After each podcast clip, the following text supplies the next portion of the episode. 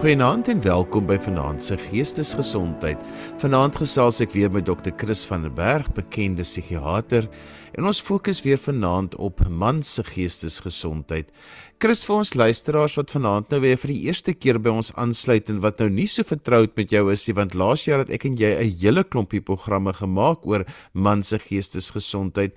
Vertel 'n bietjie meer vir ons van jou reis met positiewe manlikheid en hoekom hierdie onderwerp juis nou vir jou so na in die hart lê. Dankie Johannes, baie lekker om met die luisteraars te praat en met jou 'n bietjie te gesels vanaand.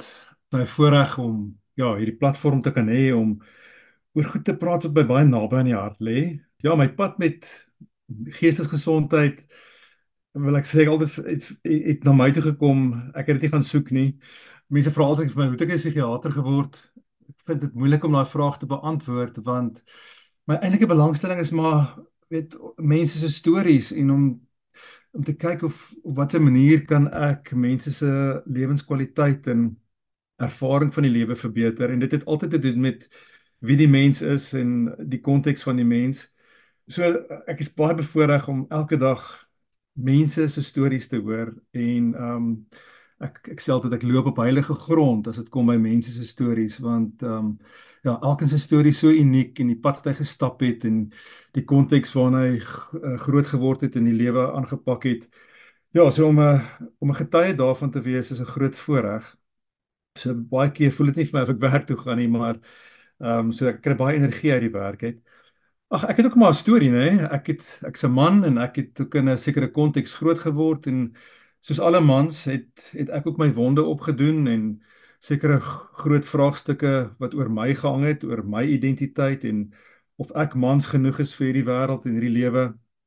En daar was 'n paar jaar terug uh, by my 'n bietjie van 'n krisis rondom dit alles en uh, is ek goed genoeg en ehm um, is ek wat die wêreld van my verwag ensovoorts ensovoorts. En ja, ek het ek het seker maar 'n klomp van die werk wat ek so preek oor vir vir die vir die mans. Ehm um, het ek self begin doen, baie begin lees, self ook in 'n proses van terapie gegaan. En toe net besef dat dit is so nodig vir ons as mans om meer tyd in te sit in onsself om onsself beter te verstaan want so baie van die goed waarmee ons sukkel het maar te doen met 'n 'n manier van dink oor onsself, hoe dit deel van ons identiteit geword het en hoe ons onsself verstaan en hoe dit uiteindelik dan manifesteer in ons lewe. En as ons onsself beter kan verstaan, dan het dit so groot positiewe impak op ons funksionering en ons verhoudings en ehm uh, ons hele ervaring van die lewe. So daat ek kom ek sê begin glo dat dit nodig is vir mans om om die werk te doen rondom geestesgesondheid.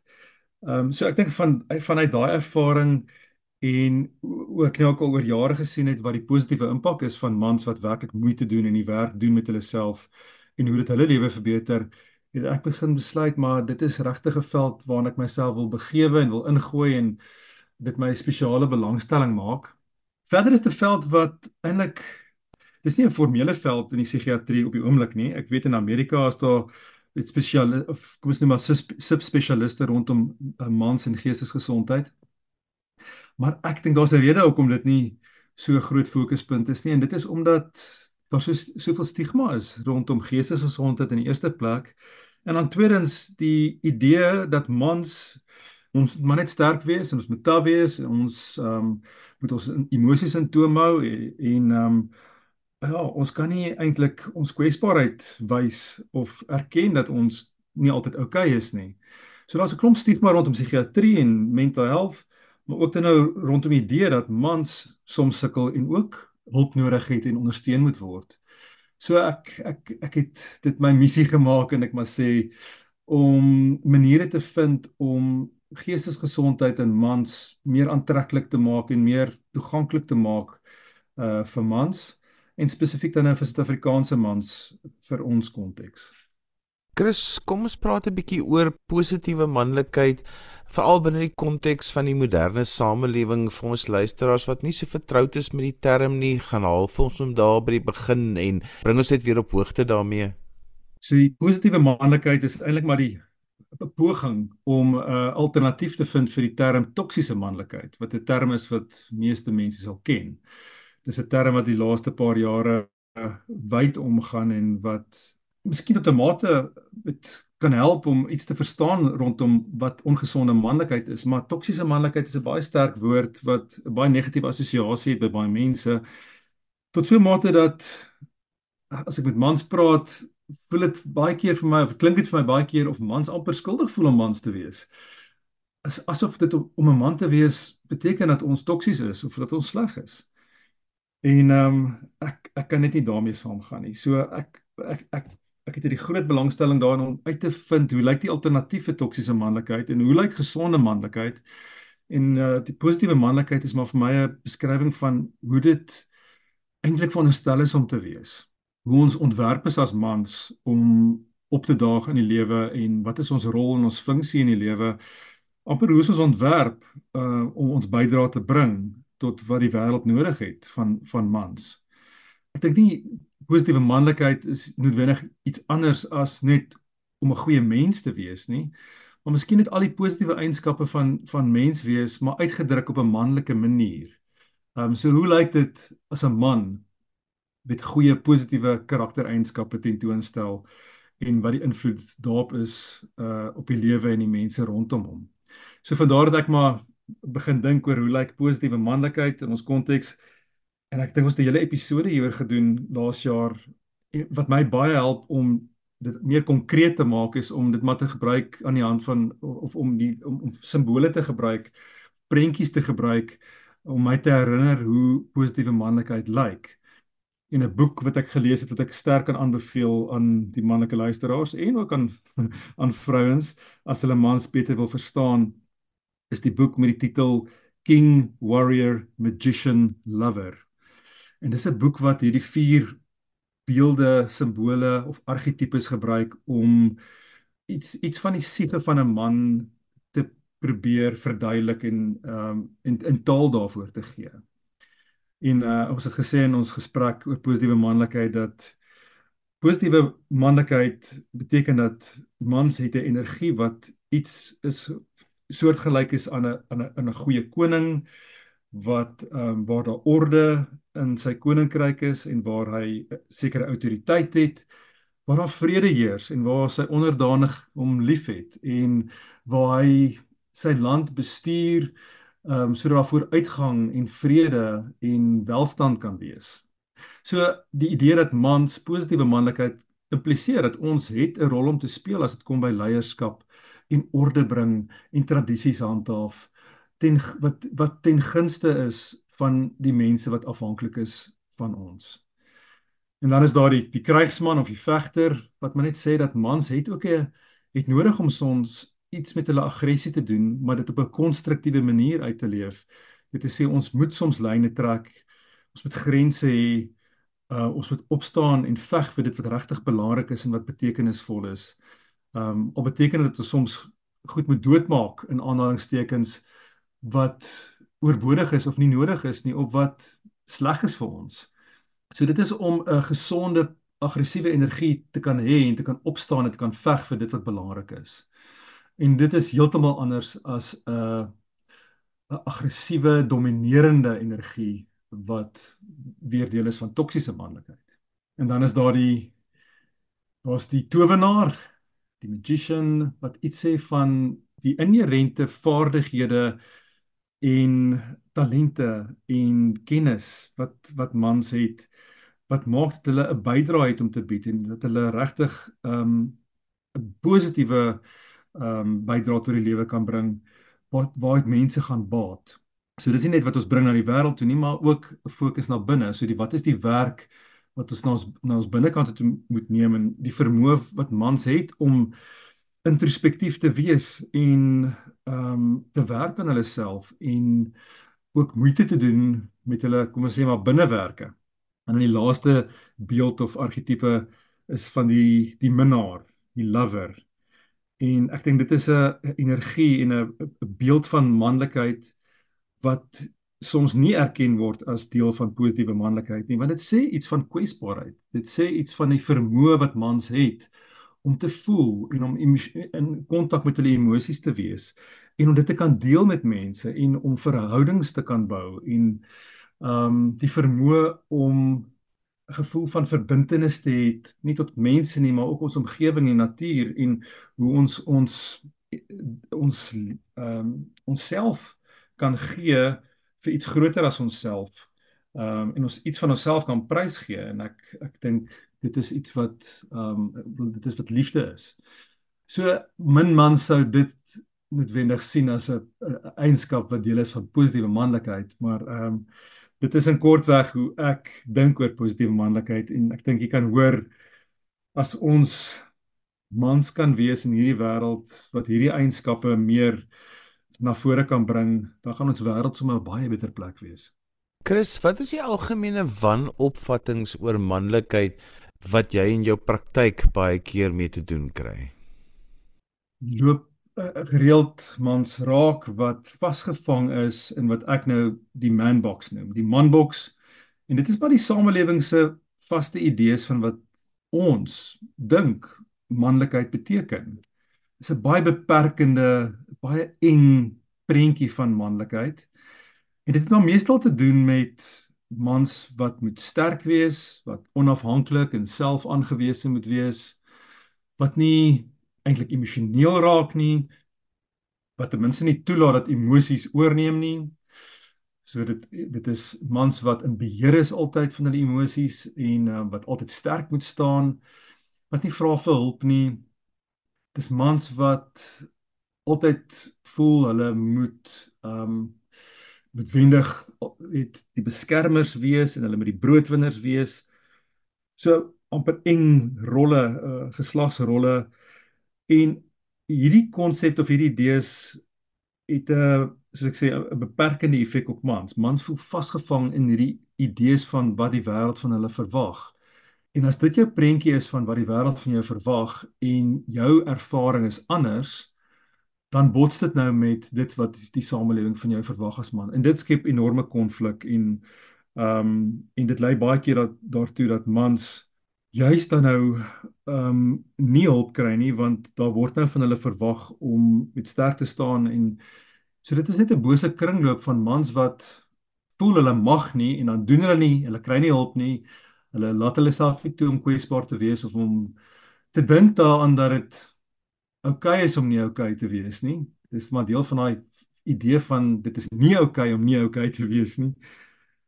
En dan sit ons met mans wat al meer geïsoleerd raak, wat nie uit wat nie praat nie en dieper en dieper gaan in hulle worsteling en baie keer dan nou uitkom by plekke van erge depressie, angsversteurings, vorms van verslawing en ehm um, wat eintlik maar baie keer vermydingsmeganismes is en natuurlik dan die die die negatiewe impak op verhoudings.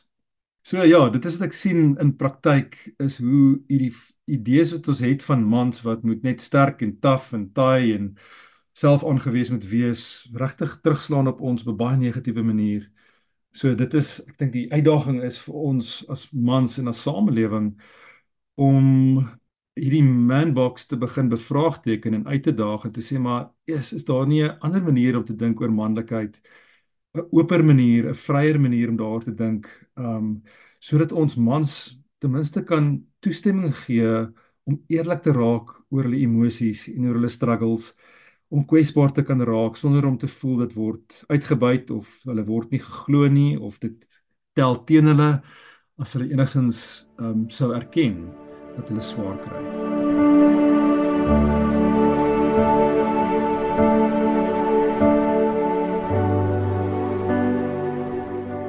Chris, ons is nou aan die begin van die jaar en mense wat die voorreg gehad het om vakansie te hê, is dan ook nou weer terug by die werk.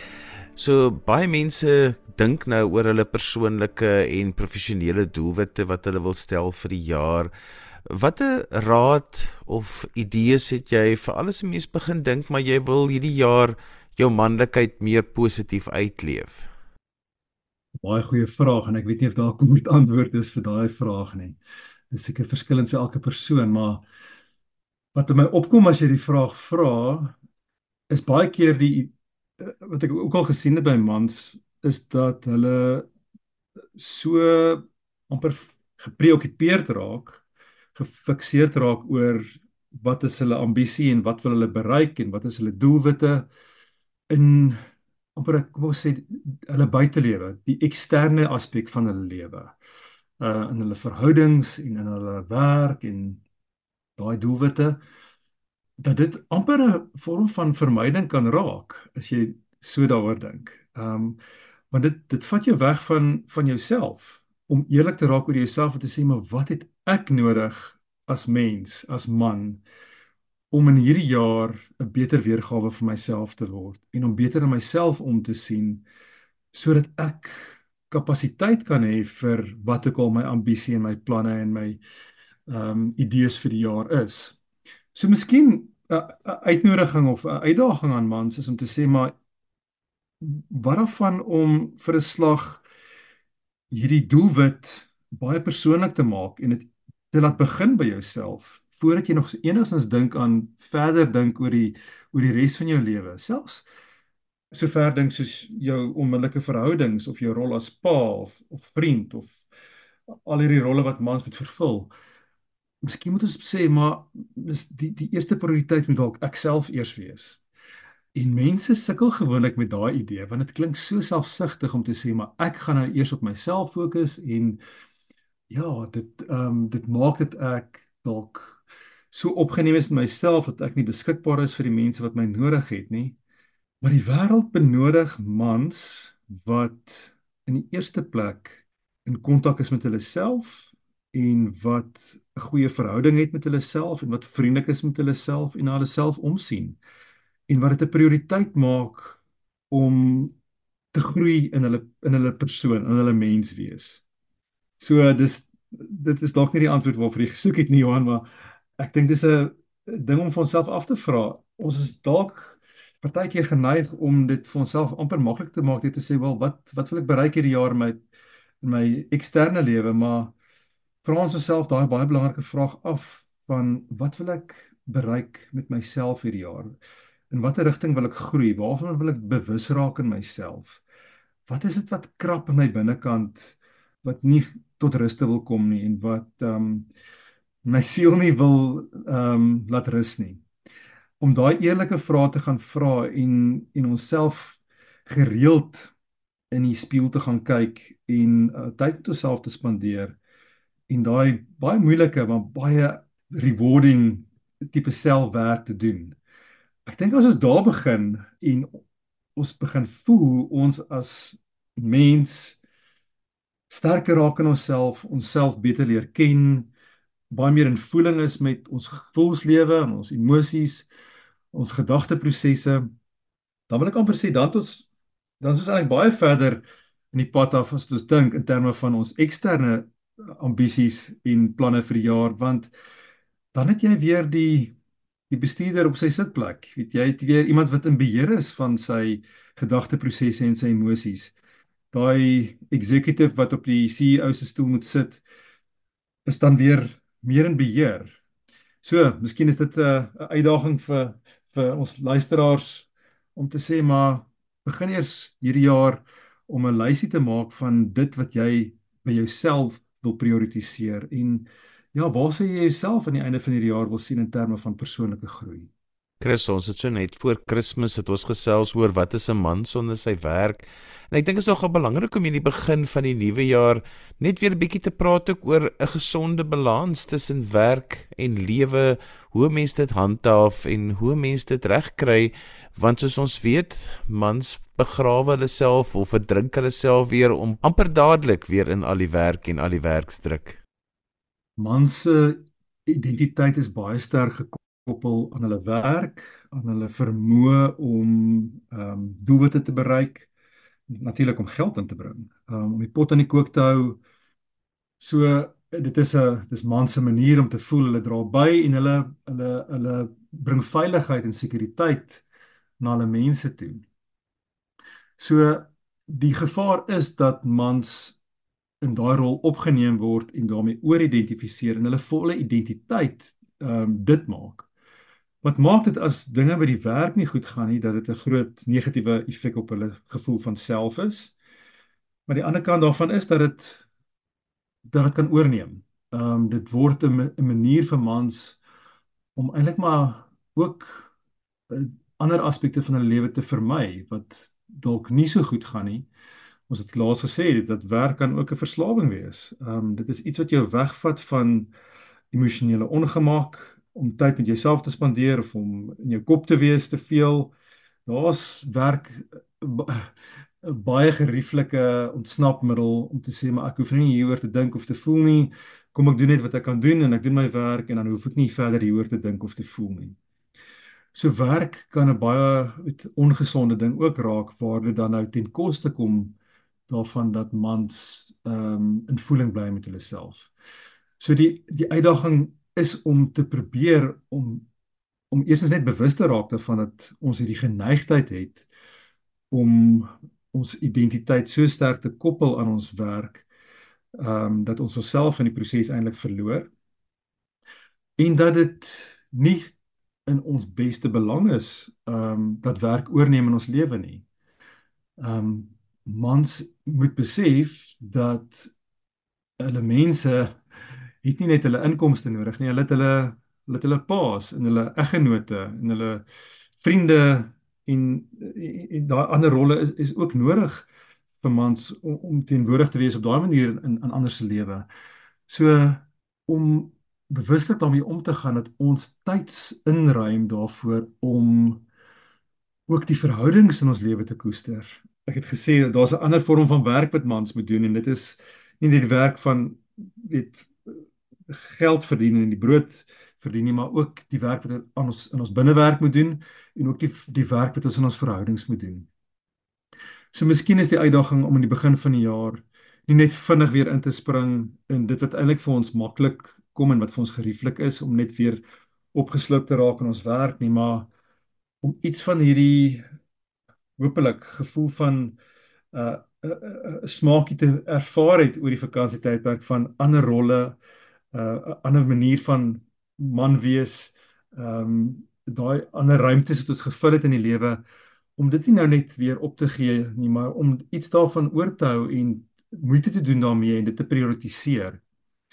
Ehm um, ek dink as mans op besef dat as ons hierdie balans beter kan handhaaf, dan gaan dit ons baie met meer kapasiteit gee om vir langer aan te gaan en stamina te hê vir ons werk. So dit is 'n belegging ehm um, in ons vermoë om wel ekonomies aktief te wees en werk te doen. Maar as ons dit as ons te gaan as ons dit gaan oordoen, gaan ons uitbrand en dan gaan ons niks vir niemand beteken nie. So dit is regtig 'n belegging om beter balans te handhaaf ehm um, die ek verduidelik altyd vir mans dat 'n mens is maar soos 'n dam, jy's soos 'n reservoir van water wat 'n ek soveel kapasiteit het. En die die wêreld en die lewe vra iets van jou. Dit is soos 'n sluys of 'n kraan wat oopgedraai word en dit is dit is al die rolle wat ons vervul en dit is wat die mense van ons nodig het en dit is ons werk en dit is wat ons wat ons gee, maar dis ook iets wat ons tap. En dan moet daar ook in enige dam 'n invloei van soorte wees wat daarom die watervlak ehm um, weer inbring. En as ons daai balans verloor tussen te veel gee, die sluise is te veel oop en daar's nie genoeg van 'n invloed nie, dan gaan hierdie dam leegloop en dit is maar wat uitbranding uit op die einde van die dag is. So die uitdaging vir mans is om hierdie om om water in hulle damme te hou deur of die sluise so klein bietjie toe te maak of daai die output beter te reguleer of om dan nou die input, dit wat ons dit vir die dam weer volmaak om om daai krane groter oop te maak en elke man moet gaan identifiseer wat dit is wat sy dam volhou. Die basiese goed is vir almal waar, ons moet genoeg slaap, ons moet gesond eet, ons moet oefen, ons moet ehm um, verhoudings en met connection wees, ons is sosiale wesens. Ehm um, alles goeders wat weet deel is van hierdie dam wat uh, of invloei in hierdie dam. Maar dan daar nou spesifieke goed vir elke man en elke mens wat hulle weet.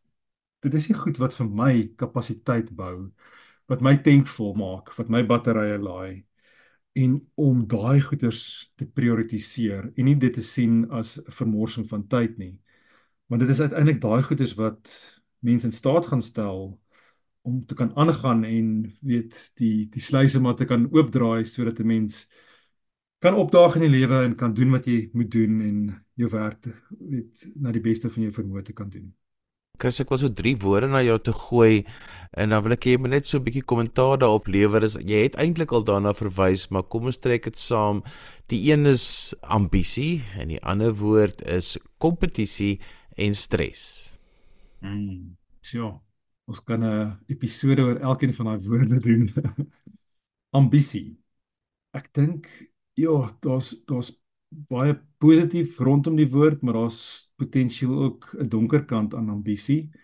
Ek meen ons soek ambisie, ambisie in in in 'n positief positiewe sin beteken dit ons daar's 'n energie, daar's 'n dryfkrag, daar's 'n motivering om iets te doen wat groter betekenis het. Ehm um, dit is iets wat mens help om in die oggende wakker te word en nie te voel jy moet nou jou kombers met jou kop trek nie of jy wil nog 'n bietjie langer lê of daai snoes knoppie 'n vyfde keer druk nie. So ambisie help om te sê maar hier's 'n energie, hier's 'n rede wat my help om op te staan um en om op te daag in die lewe wanneer dit soms moeilik is. So dis die positiewe kant van ambisie.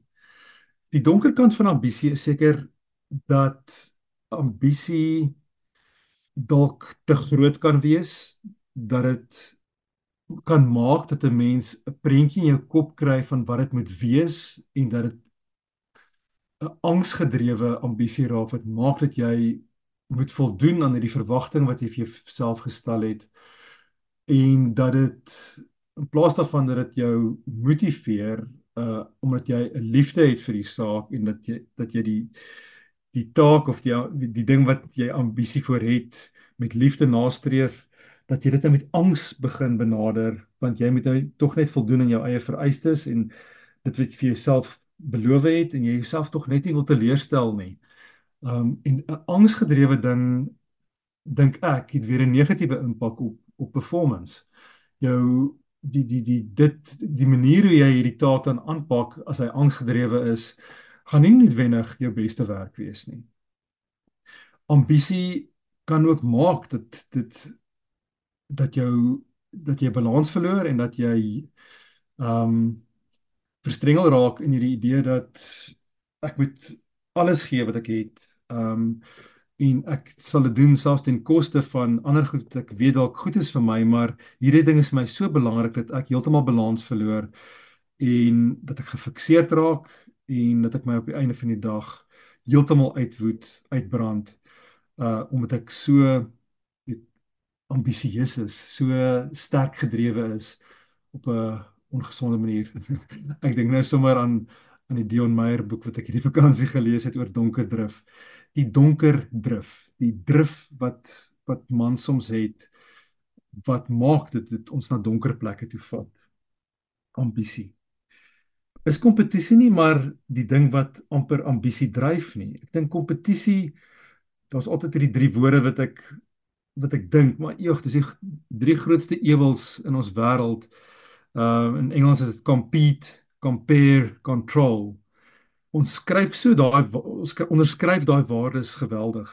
Um ons ons vergelyk onsself met ander mense En as ons osself vergelyk, dan is daar altyd 'n maatstaf wat sê ek is hier en jy is daar en hierdie gaping tussenin ehm um, maak my angstig en gespanne en ek ek wil meer soos jy wees. So ek moet meer ambisie aan die dag lê en dit word 'n uh kompeterende ding en beheer, control is ehm um, op presies die siekte van ons dag, die die behoefte vir elke mens om net te voel dat hulle 'n grip op iets hulle het 'n handvatsel op die lewe. Hulle hulle het hulle kan tot 'n mate beheer wat in hulle lewe gebeur en hoe hulle lewe verloop. En daai compete, compare, control trio ja, is is die oorsprong van soveel ongesonde maniere van dink oor onsself en verwagtinge wat ons op onsself sit wat uiteindelik lei tot 'n groot hoeveelheid angs in ons lewe. Ehm um, depressie as ons nie uitkom by ehm um, as ons voel ons is onvoldoende of ons ons kom hier die mas op nie ons ons kan nie kompeteer nie ons steek af ehm um, ons ons behaal nie uh, of ons ons ons voldoen nie aan ons eie maatstawwe nie so ek dink daar's 'n groot donker kant aan aan aan aan kompetisie.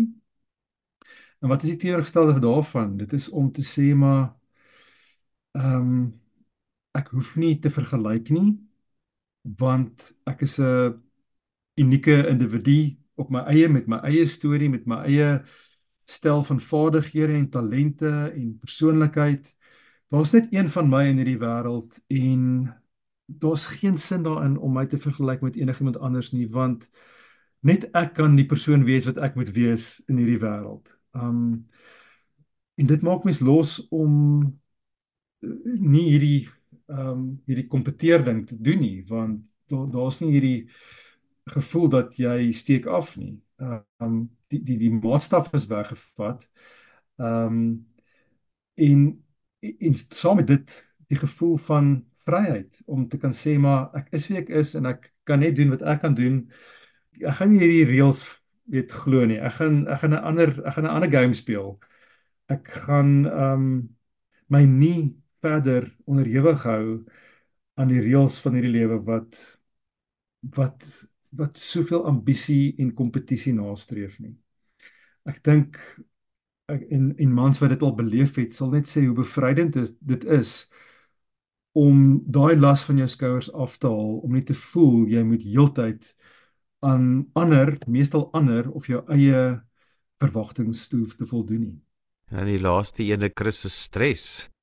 Ja, okay, ek dink stres het so half tussen tussenin gekom. Ek meen as ons hoe as ek toe ek net nou genoem het hoe iets angsgedrewe raak as ons voel hier's 'n gaping tussen my ambisie en ek kompeteer myself en dis nie waar ek moet wees nie dan word hierdie hierdie performance hierdie hierdie hierdie hard probeer om onsself te verbeter en vooruit te kom sodat ons um tog net nie afsteek nie word 'n angsgedrewe ding wat wat wat wat 'n geweldige klomp stres op ons sit.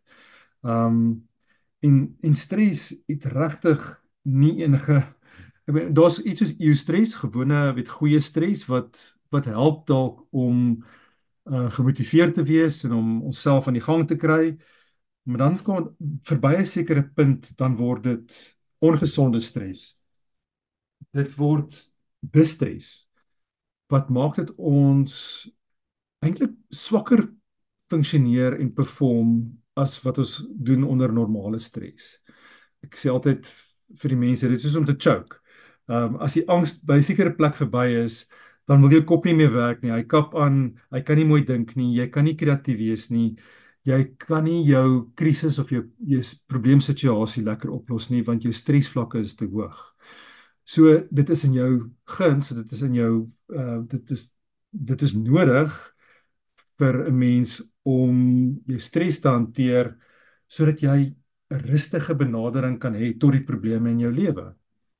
So dit is 'n belegging weer eens in jou performance om nie jouself verby 'n sekere punt te druk uh sodat jy in 'n distresfase ingaan nie.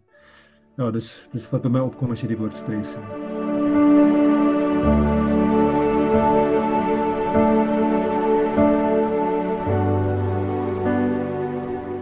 Chris, ek wil 'n bietjie gesels oor positiewe manlikheid by die werkplek. Gee vir ons 'n paar gedagtes oor wat dit beteken en hoe dit kan positief uitspeel. Waarskynlik ook 'n onderwerp wat ons 'n hele episode oor kan spandeer. Ek dink net sommer net weer eens aan aan aan die prentjie van toksiese manlikheid. Um en hoe lyk dit in 'n werksopset en wat is die impak daarvan um op 'n werksomgewing? En ek dink die luisteraars kan vir hulle self dink dat ongesonde manlike energie wat te doen het met aggressie en domineer en ehm um, oormatige beheer is 'n energie wat die mense rondom hom en sy werknemers of kollegas intimideer wat nie noodwendig positiewe uitkomste het nie. Weerens dit word 'n angsgedrewe ding, die mense is bang vir jou. Ehm um, en jy gaan nie noodwendig die beste uit jou werknemers of kollegas kry as jy met die sweep oor is oor hulle sta, staan nie. So wat gaan die uitkomste dalk wees? Hoe hoeveel hoe hoe, hoe gaan dit dalk beter wees as ons positiewe manlike eienskappe inbring in die werksplek, mans 'n rol kan inneem, weer eens 'n gesonde koning energie inbring waar hulle met met 'n vriendelikheid en 'n goedhartigheid en 'n deernis na hulle hulle werkskollegas kan kyk waar hulle nog steeds grense en reëls kan hê en struktuur kan hê en orde kan bring na hulle werksomgewing toe op 'n baie konstruktiewe manier. Hoe sal dit die ander mense veilig laat voel in hulle teenwoordigheid en gemaklik laat voel? en hulle in staat stel om omdat hulle minder angstig en gespanne en gestres voel in die man se teenwoordigheid nog beter werk te lewer. So dit voel vir my dit is 'n wen-wen situasie as ons positiewe manlike eienskappe na die werk toe kan bring. Die aspek van van die minnaar, die lover, weet hoe kan ons in ons werksplekke as mans meer eerlik raak oor hoe dit met ons emosioneel gaan?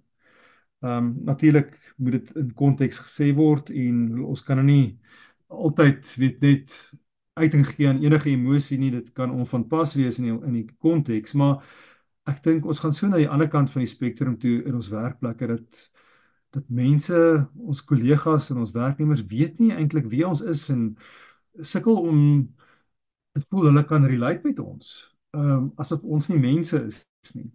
So as mans in hulle werksplekke kan bietjie kan laat deurskemer dat hulle ook emosionele wesens het en gevoelens het. Dat hulle ook soms af is, kwaad is, gefrustreerd is, angstig is, bang is, dankbaar is, opgewonde is. Weet emosies kan wys uh, en dit kan kommunikeer.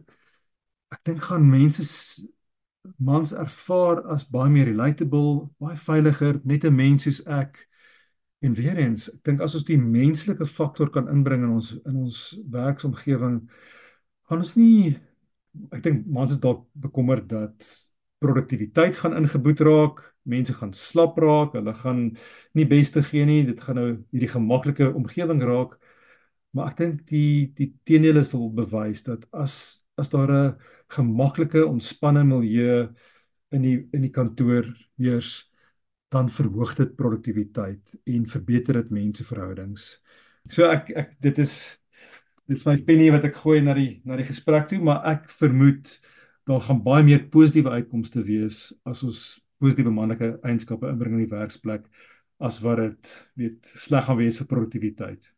Christek wil so af afsluit met 'n vreemderige vraag en dit is die samelewing se verwagtinge rondom manlikheid en dan gaan my hart altyd so uit na jong seuns en jong tienermans en jong mans wat dan binne hierdie verwagtinge hulle identiteit moet vorm en moet groot word en dan word hulle gebombardeer ook met statistiek van geweld teen vroue en kinders en al daai kontekste wat seermaak en wat tog 'n effek het op jou identiteit. Wat is jou gedagtes rondom dit? Jy sê baie waarding man. Ehm um, 'n jong man is kom ons sê maar weet in sy tienerjare sy ontwikkelingsdoelwit in daai fase van sy lewe is om identiteit identiteit te skep en om om homself te vind en om ek sê altyd daai deel van jou lewe het te doen met om 'n struktuur vir jouself te skep of 'n houer vir jouself te skep. Dit is wie ek is, dis waarvoor ek staan. So dit is so 'n kwesbare tyd in 'n in 'n jong man se lewe waar negatiewe boodskappe na sy kant toe 'n baie groot negatiewe impak kan hê op sy identiteitsvorming. So as 'n 'n jong man gereeld hoor dat man se sleg toksiese manlikheid is amper deel van alle mans, dan gaan dan is die gevaar daar dat daai daai seun dit begin internaliseer en deel maak van sy gevoel van self, sy sense of self. So ek kan dit nie oorbeklemtoon nie, maar ons jong seuns en jong mans het rolmodelle in die lewe nodig wat vir hulle die teendeel kan wys sodat dit iets is waarna hulle kan opkyk en na kan ehm um, na voor kan streef. Ons het baie positiewe rolmodelle, manlike rolmodelle in die lewe, maar dit is nie noodwendig die tipe rolmodelle wat soos ek sê in die samelewing gesien sou word as dit regte mans nie. weer eens is daar in konflik met die manbox. So ek dink as ons as samelewing kan wakker word vir die idee van positiewe manlikheid en hoe dit lyk en dit begin identifiseer en uitwys in die mans rondom ons en mans wat dit lewe en wat dit demonstreer as rolmodelle begin voorhou gaan dit jong mans, jong seuns geweldig baie help om 'n ander prentjie te kry van van hoe positiewe manlikheid lyk en om dit te wil begin inbou in hulle in in wie hulle is as as as mans om aan hulle self te kan begin dink as mans met die kapasiteit om hierdie goeie positiewe eienskappe te kan bring na die wêreld toe om aan hulle self te kan dink as resourceful en sterk en geïntegreerd uh, met vaardighede en mans wat iets het wat hulle na die wêreld toe moet bring om die wêreld 'n beter plek te maak. So mans wat nie sulke positiewe rolmodelle het nie, moet maniere vind om in kontak te kom daarmee. Um dit is nie altyd in in onder jou dak waar jy daar daai rolmodelle gaan vind nie, maar daar moet mense wees in ons gemeenskappe wat wat kan opstaan en kan sê maar ek is bereid om jonger mans te lei of 'n mentor voor te wees of gesprekke mee te hê. Daar's so in Suid-Afrika so 'n groot nodigheid vir gesonder mans um, modelle, rolmodelle. Ehm um, ja, ons dit is so tragies wat 'n persentasie van jong seuns groot word in huise sonder paas. En as daar paas is, hoeveel van hulle vir hulle goeie positiewe rolmodelle is. Chris, ons het sommer nou vanaand oor 'n klomp aspekte gesels rondom man se geestesgesondheid, positiewe manlikheid. So 'n laaste slotgedagte waarmee ons kan afsluit en dan sommer ook vir ons luisteraars sê hoe hulle met jou kan kontak maak as hulle dalk verder wil gesels.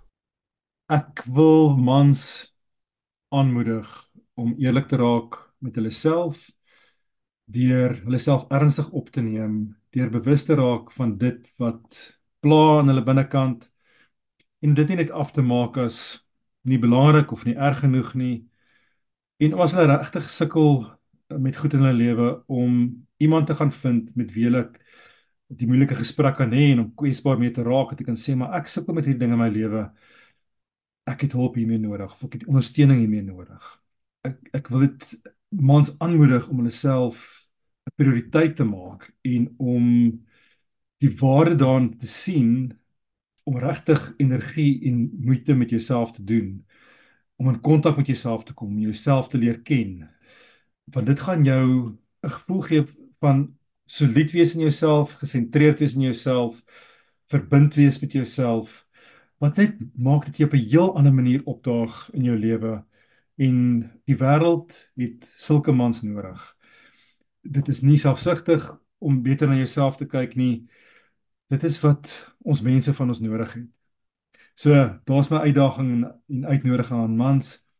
Julle hulle is welkom om um, vir meer inligting en vir ook 'n bietjie hulpmiddels my webtuiste te gaan kyk. Dit is www.meetadam.co.za en ek het ook 'n e-posadres info@meetadam.co.za. En so gesels Dr. Chris van der Berg, bekende psigiater van Stellenbosch, en ons het vanaand gesels oor positiewe manlikheid. En daarmee het ons gekom aan die einde van vanaand se geestesgesondheid. Onthou jy kan weer na vanaand se program luister as 'n potgooi. Laai dit af by resgep.co.za. Skryf gerus vir my 'n e e-pos by Johanvanlull@gmail.com en onthou daai Johan het net een N. En daarmee groet ek dan vir vanaand. Kyk mooi na jouself. Tot volgende keer van my Johan van Lill. Totsiens. thank you